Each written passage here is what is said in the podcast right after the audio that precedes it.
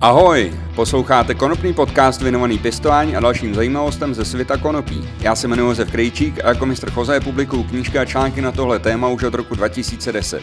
Přeju vám příjemný poslech.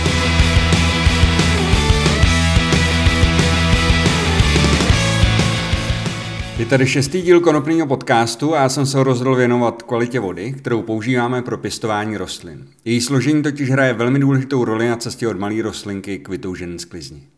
Jako tradičně připomínám, že pěstování konopí s obsahem látek ze skupiny tetrahydrokanabinolů vyšším než 1% je legální pouze s povolením ministerstva zdravotnictví, takže se podle toho zařiďte a vyvarujte se jednání, který by vás mohlo dostat do problémů se zákonem. Voda představuje 70 až 80% hmotnosti čerstvé rostliny a je nepostradatelnou součástí při procesu fotosyntézy. Hraje zásadní roli při transportu živin v rostlinném organismu a má taky důležitou termoregulační funkci, takže pokud se rostlina přehřívá, tak díky vodě se může ochladit a naopak. Co všechno může eh, voda obsahovat? Eh, voda samozřejmě v základu obsahuje kyslík a vodík, nicméně v přírodě se chemicky čistá voda téměř nevyskytuje. Běžná voda, která vám teče z vodovodu, obsahuje anorganické i organické složky, je tam sodík, draslík, vápník, hořčík, železo, mangan, zinek, chloridy, floridy, sírany, dusičnany, dusitany, fosforečnany, křemičitany. Jsou tam ale taky bakterie a viry, můžou tam být pesticidy, můžou tam být nějaký léčiva, pokud máte vodu z vodovodního řadu, je velmi pravděpodobný, že tam budete mít chlor. A pokud uh, máte vodu třeba ze studny, je tam nějaký riziko, že se tam můžou obsahovat, eh, objevovat těžký kovy, jako třeba olovo, zinek, kadmium a měď, která tam pravděpodobně bude vždycky. Některý z těch látek, který jsem jmenoval, ty rostliny potřebují a některý jim naopak škodí. Ideální je, když máme plnou kontrolu nad tím, co ta voda obsahuje, protože, jak už jsem řekl na začátku, voda hraje zásadní roli při transportu živin v rostlinném organismu a to, co ta voda obsahuje, se ve finále dostane i do té rostliny. Jaký parametry u té vody sledovat? Tak eh, ideální je, pokud si můžete udělat rozbor té vody, abyste věděli, jaký složení vody v tom místě, kde třeba pěstujete, máte, protože vám to umožní nastavit nějaký plán hnojení, eventuálně zjistíte, že vaše voda obsahuje třeba příliš mnoho dusitanů, tak uh, už od začátku budete vědět, že by bylo lepší tu vodu nějakým způsobem čistit, nějakým způsobem filtrovat, ale k tomu se dostanu na konci tohohle dílu. Takže znovu, jaký parametry sledovat? Tak především eh, sledujte teplotu vody. Optimální teplota je 18 až 22 stupňů. Sledování teploty vody je poměrně jednoduchý, stačí vám nějaký teploměr na eh, měření eh, vody roztoku. Tu vodu, pokud bude moc studená, můžete ohřívat, můžete použít, pokud používáte nějakou zdrojovou nádrž, v který ta voda stojí, předtím, než ji použijete na zalivání, tak můžete použít nějaký topný tělísko, který dáte do té nádrže a v té nádrži se ta voda bude ohřívat na požadovanou teplotu. Pokud naopak potřebujete vodu chladit, budete muset použít nějaký chladič. Ten chladič bude energeticky náročnější než ohřev té vody, Nicméně eh, později eh, během tohle podcastu se dostanu k tomu, že vysoká teplota opravdu není vhodná pro pěstování rostlin. Myslím, vysoká teplota vody. Další věc, kterou musíte sledovat, je pH eh, a EC. pH je kyselost, Pravděpodobně víte, že pokud je pH vyšší než 7, je voda zásaditá, pokud je pH nižší než 7, je voda kyselá, pH 7 značí neutralitu. Proč je pH důležitý? Je to z toho důvodu, že některé prvky, například vápník a hořčík, jsou pro rostliny snadněji dostupné při vyšších hodnotách pH, zatímco jiné prvky, třeba železo nebo zinek, jsou dostupnější pro rostlinu při nižším pH. Pokud je pH příliš nízký nebo příliš vysoký, nemůžou rostliny vstřebávat živiny tak dobře jako při optimálních podmínkách. A ty optimální podmínky jsou různé pro hydropony a pro pěstování v zemině. Pro hydropony se doporučuje 5,5 až 6,3 pH a pro pěstování v zemině se doporučuje pH 5,8 až 6,5. S, myslím si z osobní zkušenosti, že pokud udržujete pH kolem 6, mezi 6 a 6,3, neuděláte v podstatě chybu, ať už pěstujete v zemině nebo v hydroponii. Pokud máte vodu z vodovodního řadu, bude mít její pH pravděpodobně hodnotu těsně nad 7, bude teda mírně zásaditá, takže takovou vodu je obvykle třeba upravit nějakou kyselinou na to, aby to její pH kleslo. Pokud máte vodu studniční nebo používáte třeba dešťovou vodu, potom její hodnoty budou někde kolem 6,5 až 7 pH. To, jak, jaký pH má vaše voda, můžete zjistit buď použitím kapek a e, kolometrickou metodou, kdy teda vebete nějakou tu vodu, smích, přimícháte kapičku z takový sady na měření pH a tu eh, podle barvy toho roztoku, jak se ten roztok zbarví, tak podle stupnice poznáte, jaký pH zhruba vaše voda má. Tahle ta metoda je nejlacinější, kapky vás vyjdou zhruba 200 korun a získáte orientačně informace o tom, jaký pH má vaše voda. Eh, můžete se taky pořídit pH metr, který je přesnější a hlavně rychlejší, Nicméně mezi těma pH metrama jsou velký kvalitativní rozdíly, které jsou dost eh, závislí na ceně. Eh, jsou na trhu pH metry, které stojí třeba 500 korun, stojí i míň, ale o tom, o jejich vypovídací hodnotě se dá dost polemizovat. Pokud si kupujete pH metr, je lepší si pořídit nějaký model kolem 2 až 3 tisíc a pečlivě se starat o tu sondu, která to pH měří a je třeba myslet na to, že ta sonda nevydrží věčně a někteří výrobci doporučují měnění té sondy eh, každých půl roku. To znamená, že od začátku je dobrý eh, kupovat model, u kterého ta pH sonda jde vyměnit opačném případě, pokud budete používat pH metr za pětistovku rok, tak uh, už vlastně ta přesnost je tak nízká, že už její vypovídající hodnota není v podstatě žádná. Uh, jak už jsem řekl, pH se dá upravovat tím, že přidáte nějaký kyselý, kyselý aditivum nebo zásaditý aditivum podle toho, jestli potřebujete pH snížit nebo zvýšit dost výrobců hnojiv eh, prodává, vyrábí roztoky na úpravu pH, takže v grow shopu koupíte snadno, i v zahradnictví eh, se dá něco takového pořídit. Další věc, kterou sledujete, je EC, což je elektrická vodivost. To nám říká, kolik pevných částic je rozpuštěno ve vodě, to znamená i kolik je tam živin.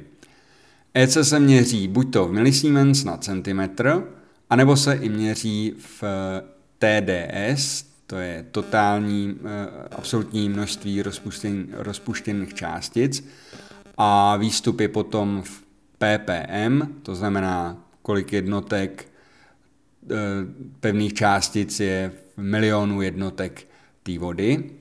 Nicméně TDS se dá vypočítat z EC, ale doporučuji používat EC, protože eh, TDS eh, vypočítávají výrobci různých EC metrů různě, celkem jsou tři způsob, tři konverzní poměry, takže když si změříte EC, to je vždycky stejný, ale to TDS může být různý v závislosti na tom, od jakého výrobce je váš e, senzor. Důležitý je změřit si vstupní EC vody. Optimální je, pokud vstupní EC je do 0,3 mikrosiemens na centimetr. Maximální EC, který ta rostlina je schopná nějakým způsobem zpracovat, je 2,4 mikrosiemens na centimetr. Eh, při přidávání e, eh, hnojiv se EC zvedá, pokud EC potřebujete snížit, přidáte do roztoku vodu. To EC je důležitý měřit z toho důvodu, třeba když mícháte hnojiva a eh, na to, abyste zalili rostliny vodou s přidanými hnojivy, tak podle toho EC poznáte, kolik těch hnojiv v té vodě máte a kolik teda živin dáváte těm rostlinám. Umožňuje vám to zabránit vlastně přehnojení těch rostlin, ale také vám to umožňuje zabránit eh, nedostatečný výživě těch rostlin. EC a pH je dobrý na začátku pěstebního cyklu si změřit, jaký EC a pH má čistá voda, nicméně nejdůležitější je změřit EC a pH předtím, než ten, tu vodu nebo ten živný rostok použijete na zalití rostlin, protože když do toho přidáváte hnojiva, přidáváte do toho roztoky na úpravu pH, tak vlastně potřebujete vědět tu hodnotu předtím, než eh, ty rostliny zalejete. EC eh, metr zhruba stojí stejně jako pH metr, takže můžeme se bavit o EC metrech kolem pětistovky, ale zase lepší modely budou stát dva e, tisíce. Vyplatí se koupit si kombinovaný EC a pH metr, který stojí 5 až 8 tisíc, ale za tuhle cenu už jsou ty senzory poměrně přesný. Navíc e, můžou snímat to EC a pH ustavičně, takže vy přijdete do pěstírny, kouknete se na EC a pH metr a hned vidíte, jaký tam máte hodnoty a případně můžete upravit, protože v té nádrži, pokud máte, pokud máte nějaký zavla, automatický zavlažovací systém a máte živný rostok nebo vodu ve zdrojové nádrži, tak v té nádrži ta hodnota toho EC a pH se může měnit, zejména pokud používáte cirkulační zavlažovací systém, kdy ta voda, eh, která, kterou se ty rostliny zalejou, putuje zpátky do té zdrojové nádrže a používá se znova, takže tam je to EC a pH třeba sledovat ustavičně, aby člověk mohl reagovat na případné změny. EC, eh, e pH a teplota jsou hodnoty, které může sledovat většina pěstitelů a který sleduje hodně pěstitelů. Ale potom jsou tady ještě další hodnoty, o kterých eh, moc eh, pěstitelů ani neví a který jednoduše nesledují. Jedna z nich je množství rozpuštěného kyslíku ve vodě. Kyslík je jeden z primárních biogenních prvků a je nepostradatelný pro správnou právný vývoj rostlin. A i když si rostlina víc eh, kyslíku vyrobí, než kolik ho spotřebuje, tak je důležitý, aby ho měla k dispozici. A kyslík je důležitý třeba pro správnou funkci kořenů a správný vývoj kořenů, takže ho potřebuje vlastně v té kořenové zóně a tím pádem dává smysl sledovat, kolik kyslíku je ve vodě, kterou ty rostlinky zalíváme. Ten kyslík pomáhá vstřebávat eh, potřebné látky. Například fosfor a železo jsou po, po okysličení vody snadněji vstřebatelný a lépe využitelný tou rostlinou. Ten kyslík podporuje taky život užitečných bakterií a dalších mikroorganismů a proto je třeba tu jeho hladinu sledovat. A hladinu kyslíku, rozpuštěného kyslíku ve vodě můžete sledovat eh, speciálním eh, měřákem, ten eh, sleduje hmotnost kyslíku na litr vody v mikrogramech na litr. Cena takového zařízení je zhruba 10 000 korun a více, záleží, jak přesně si pořídíte. A můžete, může měřit jak eh, v miligramech na litr, tak zase v ppm množství částic na milion částic vody. Nicméně tady ty dvě veličiny se, přes, eh, se přepočítávají v poměru 1 k 1, takže Jakmile víte jednu hodnotu, můžete si snadno spočítat tu druhou, nebo podstatě si to jenom převést. Pro správný vývoj rostlin se doporučuje udržovat množství rozpuštěného kyslíku na úrovni 5 až 12 mg na litr.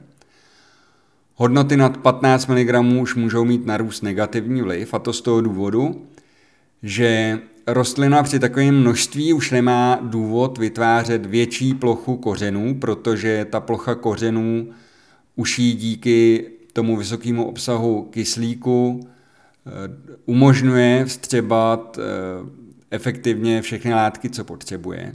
Nicméně, když je menší plocha kořenů, tvoří se i menší listová plocha, protože méně kořenů přirozeně absorbuje méně té vody, takže není třeba potom takových velkých eh, listů, velký listový plochy pro transpiraci, vlastně pro předání té vody zase zpátky do vzduší.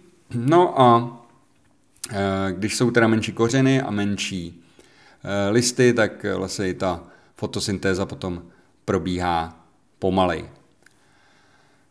Jak přidat kyslík. Kyslík e, můžeme přidat buď vzduchovacím kamenem nebo atomizérem přímo do vody.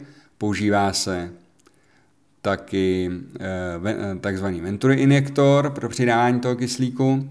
Důležité je taky vidět, že čím je voda chladnější, tím víc dovede toho kyslíku pojmout. A tady se dostávám k tomu, co jsem říkal na začátek, že Teplota té vody hraje dost významnou roli ve střebávání eh, těch eh, látek a taky hraje významnou roli pro to, v jakém prostředí se vyvíjejí kořeny a jak dobře se můžou vyvíjet. Protože když máme chladnější vodu, ta voda dovede zadržet větší množství kyslíku a ty kořeny mají lepší životní podmínky.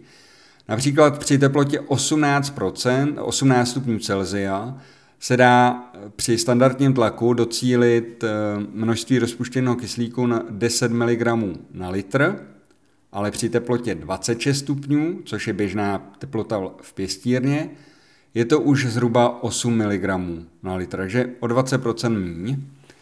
To znamená, že pokud by voda, kterou zalejváte rostliny, měla stejnou teplotu jako vzduch v pěstírně, tak se výrazně snižuje množství kyslíku dostupný pro e, tu kořenovou zónu a tím vlastně hůř se můžou vyvíjet ty kořeny a hůř můžou střebávat e, ty živiny. E, velmi intenzivní možnost, jak okysličit Rostok, kterým zavlažujete rostliny, je přidávání, přidávání kyslíku z kyslíkové tlakové bomby. Tohle je jediný způsob, jak docílit eh, množství kyslíku 10 mg, nad 10 mg na litr. A eh, tuhle, tenhle ten způsob si budou volit už pravděpodobně lidi eh, ve větších pěstírnách, kde už budou ty nároky na tu eh, kvalitu té vody pravděpodobně vyšší. Nejlevnější způsob, jak okysličit vodu, je pokud máte cirkulační systém, nechat v některém bodě tu vodu eh, téct přes kaskády, udělat tam takový malý vodopád, kde ta voda vlastně při tom padání vlastně se okysličuje a eh, mích, zamíchá vlastně kyslíky do té zdrojové nádrže. Nicméně levný eh, kompresor na eh, akvaristický s tím vzduchovacím kamenem udělá stejně dobrou službu. Možnost je ještě použití generátoru ozonu, eh, který okysličuje vodu a taky trošku dezinfikuje.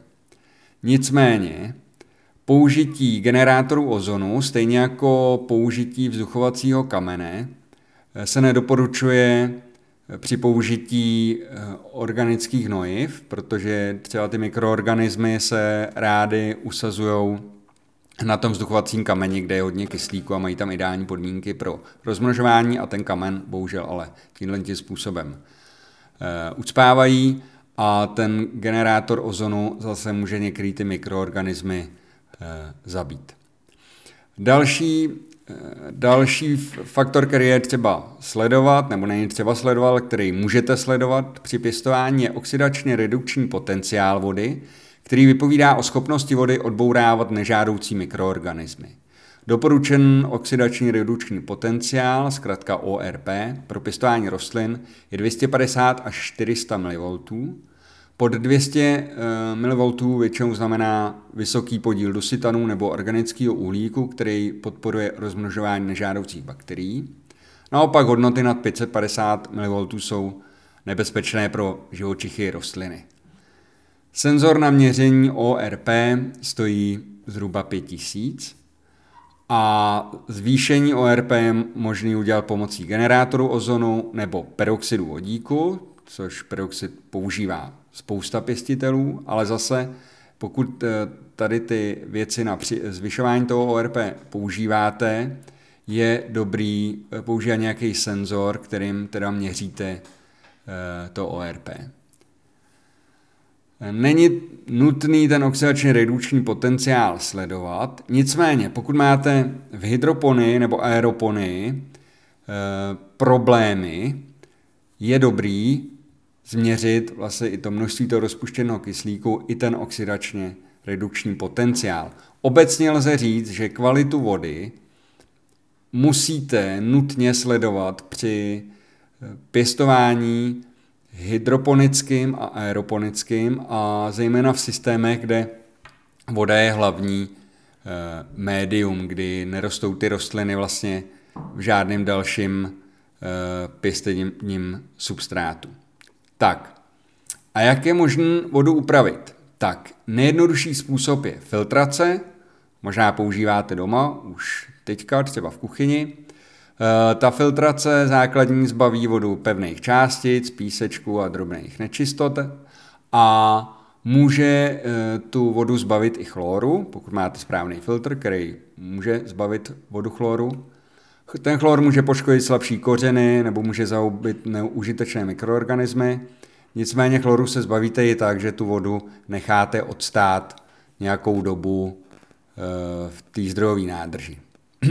Pokud máte EC eh, e vyšší než 0,5 mikrosiemens na centimetr, už to znamená, že v té vodě je hodně rozpuštěných látek a je teda dobrý použít eh, lepší filtraci, třeba reverzní osmózu, která dovede snížit i to EC. Běžná filtrace EC nesníží. Pokud potřebujete vodu nějakým způsobem dezinfikovat, eh, pokud tam máte nějaké bakterie nebo viry, tak eh, potom musíte použít UV záření. To UV záření dost často lze zakomponovat třeba do té filtrace. U lepších systémů je to vlastně součástí toho. To UV záření je dobrý, aby vlastně svítilo jenom do té vody, aby nesvítilo celou dobu té pěstírně, nebo aby nesvítilo vlastně, když se tam diskutují lidi, protože to nějakým způsobem taky škodlivý. Tak, to je zhruba všechno o tom, co sledovat u té vody a jakým způsobem to eh, ošetřovat tu vodu, jakým způsobem řídit ty hodnoty, které tam chcete naměřit. Je to asi tak, že v domácích podmínkách budete sledovat hlavně pH, EC a teplotu, to by měl dělat asi každý, si myslím. E, takový optimum je běžná filtrace, která zbaví tu vodu těch pevných částic a pokud máte chlorovanou vodu, tak ji zbaví toho chloru. Pokud vaše EC čisté vody je 0,3 až 0,5 nebo 0,1, možná budete mít mín, to e, je, není na škodu, to je spíš lepší, tak budete muset použít reverzní osmózu, nebo bylo by lepší ji použít. Vy ji používat nemusíte, nicméně e, jsou lidi, kteří mají EC běžné vody 0,7 a reverzní osmózu nepoužívají. E, a taky dosahují dobrých sklizní. Důležitý je, že pokud e, máte tu vodu co nejčistější, tak můžete těm rostlinám dávat to, co vy potřebujete. Pro, pravda je v tom, že pokud tu vodu ušetříte reverzní osmózou, tak ji zbavíte i některých minerálů, který tam potřebujete. Takže potom vlastně všechno tam musíte dodat eh, například i kalcium, který potřebuje ta rostlina hodně, tak tam budete muset zase potom přidávat. Ale na to jsou všechno přípravky, to se dá řešit. Pokud budete pěstovat, pokud chcete pěstovat profesionálně, pokud chcete pěstovat na vysoký úrovni a dlouhodobě dosahovat stabilních výnosů a stejné kvality, určitě byste měli sledovat všechny parametry, které jsem tady zmínil. Profesionální systémy na úpravnu vody dovedou tyhle ty parametry sledovat a upravovat automaticky za vás. Takže není to žádný velký problém a není to první obor a první rostlina, u který se tyhle ty parametry sledují. Je to poměrně běžná věc při úpravě vody a jejím sledování, takže dají se sehnat systémy, které tohleto všechno zvládnou. Tak. No a to je pro tenhle díl všechno. Všechny doporučené hodnoty jsem dal na www.pistova.cz. V sekci články najdete články, které se vztahují k tomuhle podcastu. Každý díl je tam označený, takže vždycky najdete ty, eh, ten článek, který se vztahuje k tomu konkrétnímu dílu. No a jestli se vám konopný podcast líbí, přidejte si ho do oblíbených, ať vám neunikne další díl a můžete si taky poslechnout ty předcházející díly, aby vám nic neuniklo. Pokud byste chtěli o pěstování vědět víc, kupte si jednu z mých knížek. Ta o pěstování pod umělým osvětlením se jmenuje Jak pěstovat konopí indoor, aktuální verze 2.0. A to o pěstování pod sluncem má název Jak pěstovat outdoor a neb konopí na zahrádce. Knížky koupíte na www.pěstovat.cz, kde ke každý objednávce dostanete nějaký malý dárek a ty knížky můžete koupit takřka ve všech knihkupectvích. Sledujte mě nějaký na sociálních sítích, Instagramu, Facebooku, YouTubeu. Odkazy na tyhle ty eh, sociální sítě najdete na mém webu. No a mě nezbývá, než vám poděkovat za pozornost. Těším se zase zhruba za týden u dalšího dílu konopního podcastu a do té doby se mějte krásně. Ahoj.